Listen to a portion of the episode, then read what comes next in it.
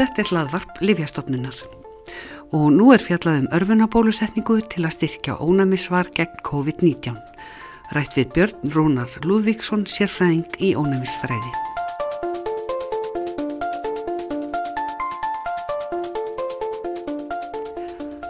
Það eru sem sagt örfunabólusetningar sem eru til umfjöllunar núna.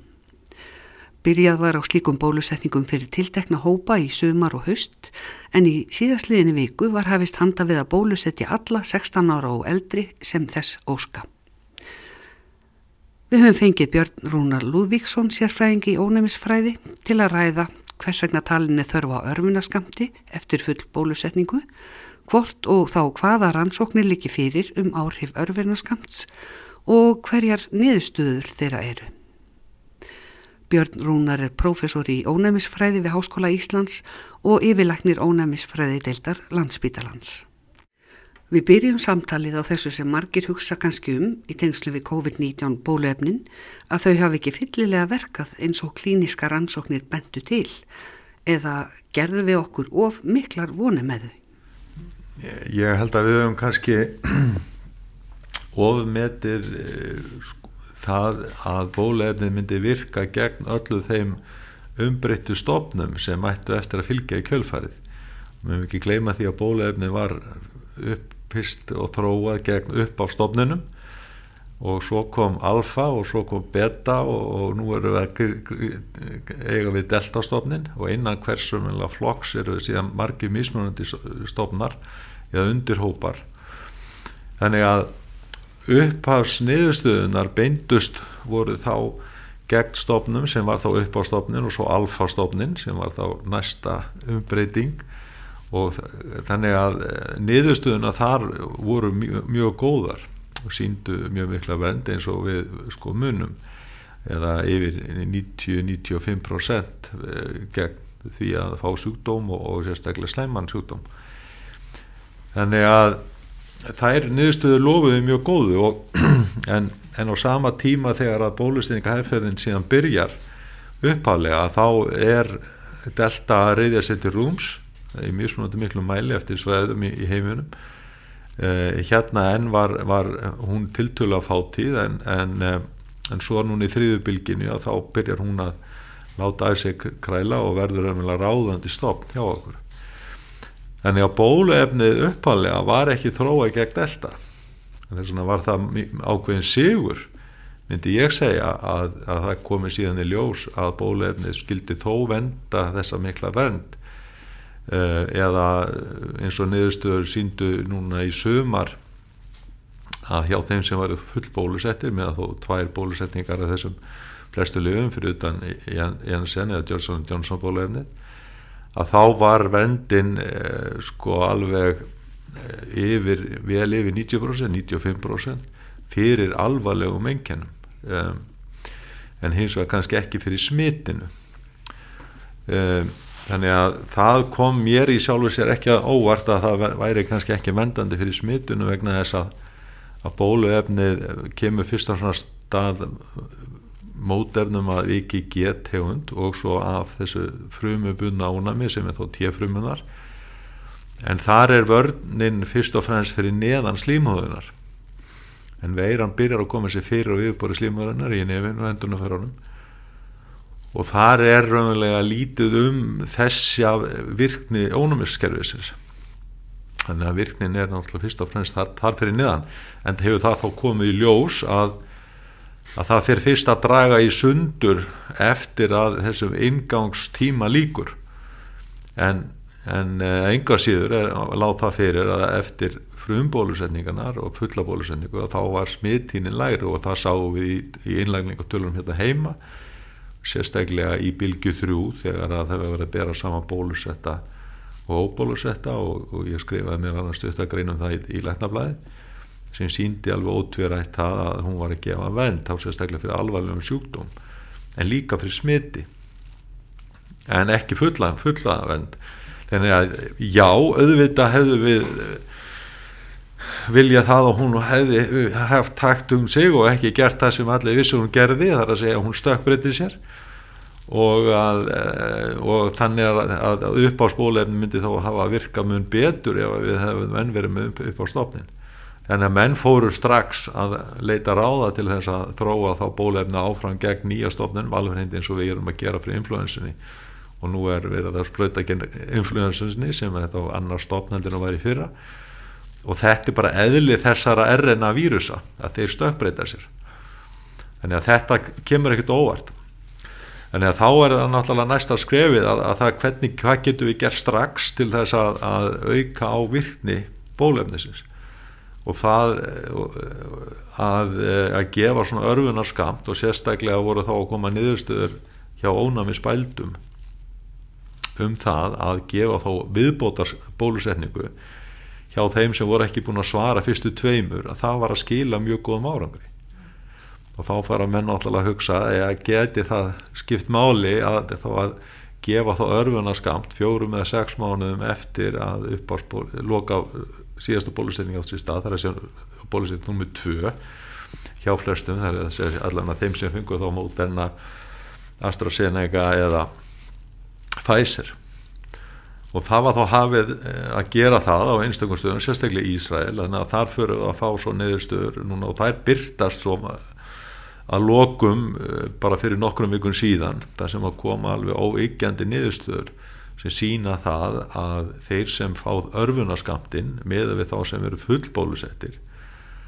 að þeir fá eh, sko síkjast alvarlega síður nefnur haft yfir 90% tilveika og smita, og smita síður heldur en þeir sem eru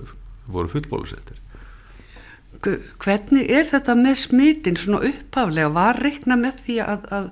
bólefni samkvæmt klínisku rannsóknunum að þau myndu verja gegn smiti og þá bara eiginlega jafn mikið og gegn alvarlegum sjúkdómi?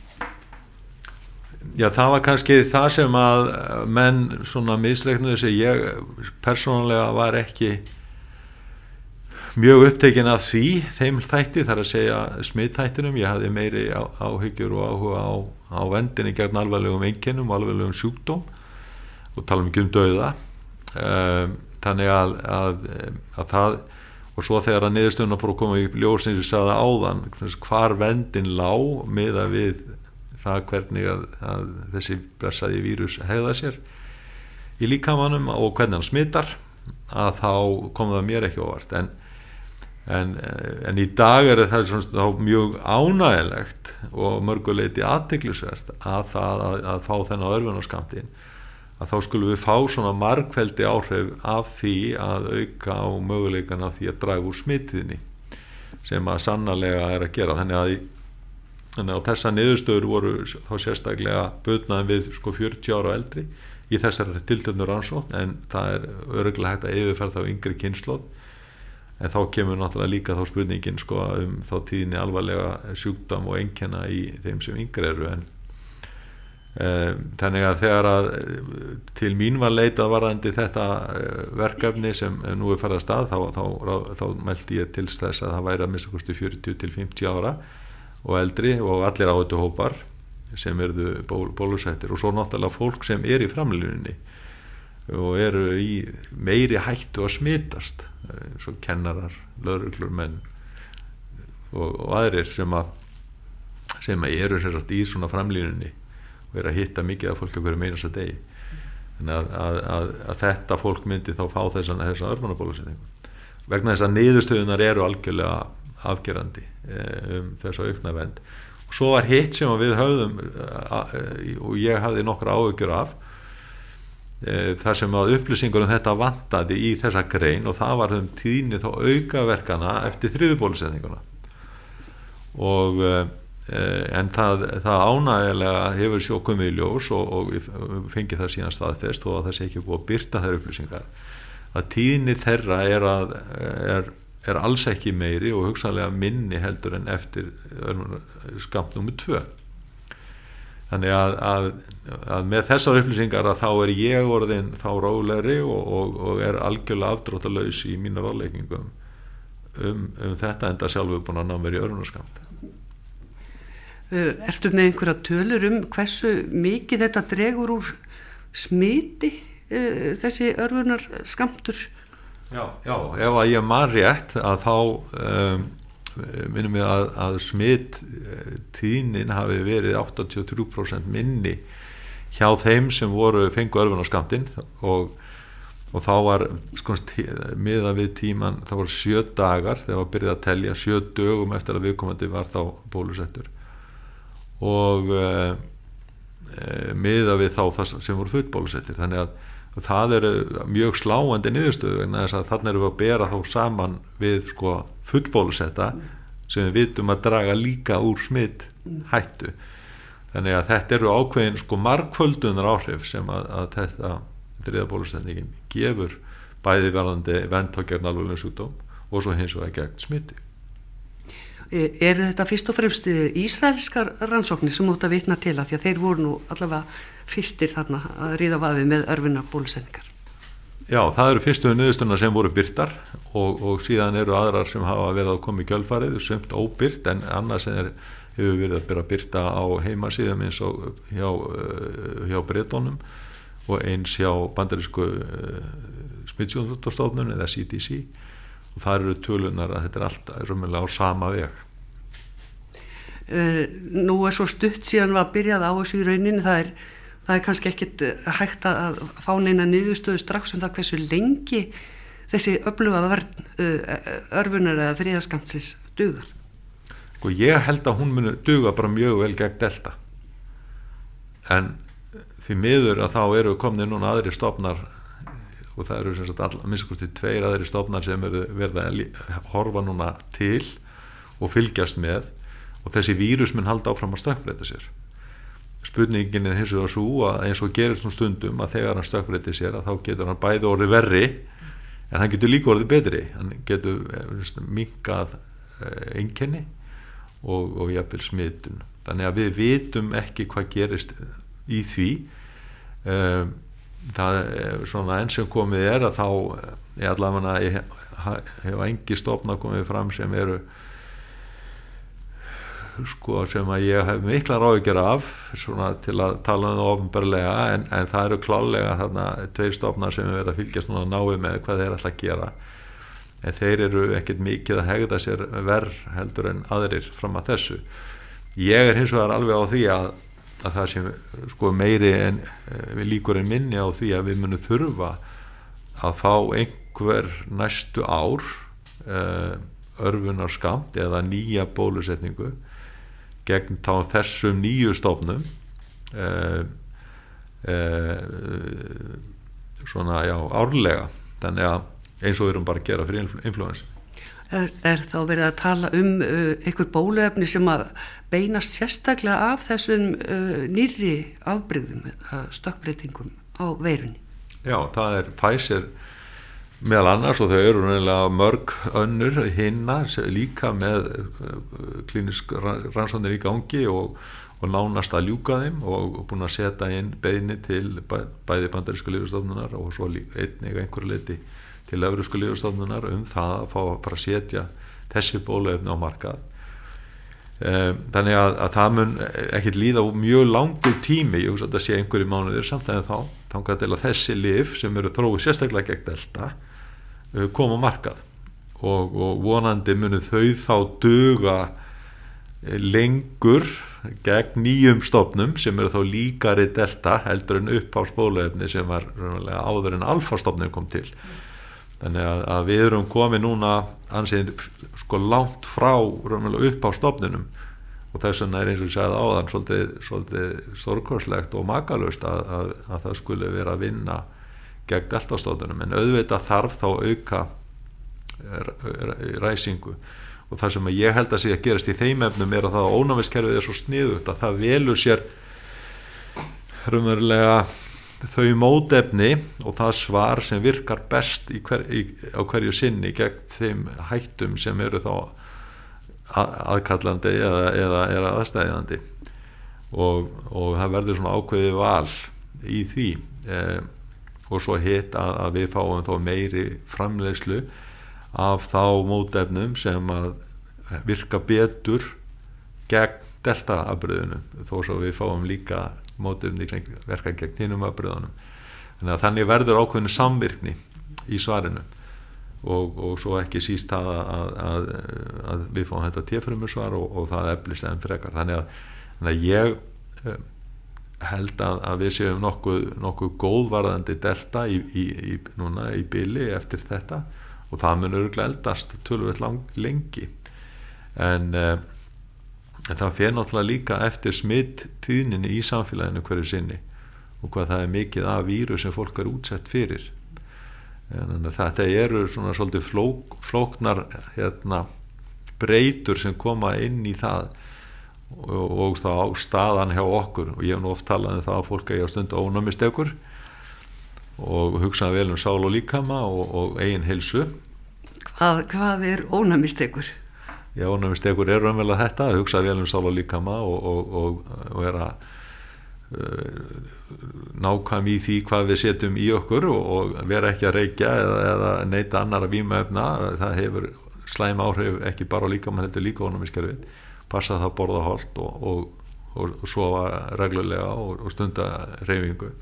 allt þetta styrkir ónumiskerfið okkar. Þannig að við vitum það að, að ástandið okkar er, er og svona líkamlega færðin og geta er, er mismunandi. Og það þekki allir að í álastímum að þá verður líklega til að veikjast. Og það þekki nú bara á eiginskinni þannig að ef maður passar ekki upp á þessa þætti þegar álægið er mikið að þá ertu meiri hættu til að síkjast að, og það álvið þá við um þessa þennan vírus eins og aðra, aðra síkingar Nú eru rattir í samfélaginu að þjóðust og tala um ónæmiskerfið og mikilvægi þess að styrkja það bara með svona með venjulum og góðum lífsáttum nú sem við segja að það dugi sjálfu sér alveg gegn þessum vírus. Hverju heldur svara því? Það er mjög mikilvægur þáttur í því að, að viðhalda helbreyði en í baratun okkur gegn þessum vírus hann er það smittandi hann er markald smitt, meira smittandi heldur en influensan og, og margir aðri smittsjútumar sem höfum verið að e, eiga við. Þannig að þá dugar það ekki eitt og sér sérstaklega ef að þú ert í áhættuhópum. Og svo hitt að það sem er líka merkilegt er að það hefur komið núna í ljós og nýjustu núna rannsóðanar voru að koma nú nýlega byggtar í, í held ég New England Journal of Medicine sem sína það að,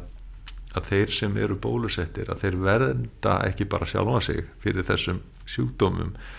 heldur draga þeir verulega úr því að heimilisfólk og aðstendendur síkist það er verulegu munur þar á það er mjög aðtilsverða niðurstöður. Þannig að ef að það er einn eða fleiri bólusettur í, í fjölskyldu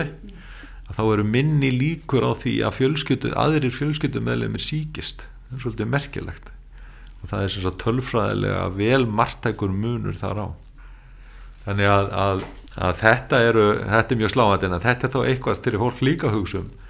varðandi bara sína nánustu og nánasta umhverfi. Þannig að það er ekki bara það að maður sé að taka samf samf samfélagslega ábyrg í því að draga úr smitt í samfélaginu með því að bólusetja sig og, og stuðla þannig að að þessu hjarðónami sem er nú margum rætt heldur líka er maður að verja sig og sína nánustu Þannig að, að þriði skamturinn eða örföðuna skamturinn hann er ekki spurning væntalega þegar að já, það dregur 83% úr smitt tíðni með við full bólusetta og hvað það eru 90 af, að, líkum á alvarlegum sjúkdóm Já, látt yfir 90% yfir alvarlegum sjúkdóm þannig að, að þetta er Ég, þetta er engin spurning í mínum huga